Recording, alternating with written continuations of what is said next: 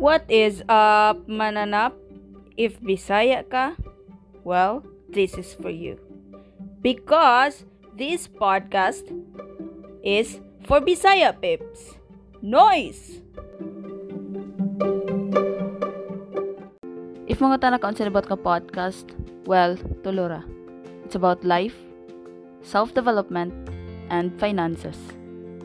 So if you're in your not yet 20 something or 20 something or 30 something or 40 something nga makarelate and to learn more about these three, well, let's explore together.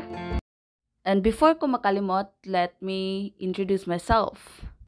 I am Janine Shane Abellana and obviously I'm not yet 20.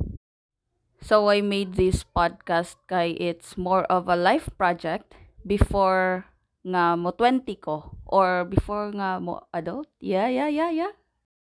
Dili ko famous. So famous, famous, famous, famous, famous. So dili gyud ko familiar sa uban, I know. But then I don't care.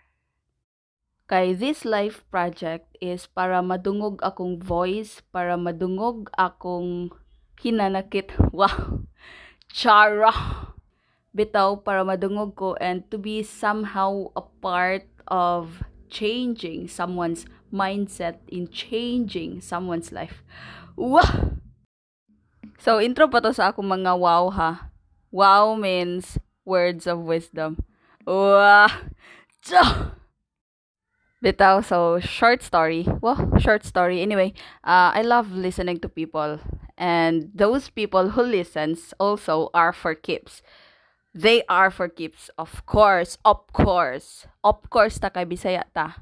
So, karon, I need to be, or I wanna be, the one who talks na pod and someone nga maminaw. So, that's why I made this. For my voice to be heard. Cha. Bitaw, oy, purely Bisaya or siguro sagol English ni podcast. Bitaw para sa mga Bisaya man ni. Eh? Taas na ni nga intro. So, let's go to my first episode! Noise! Let's go!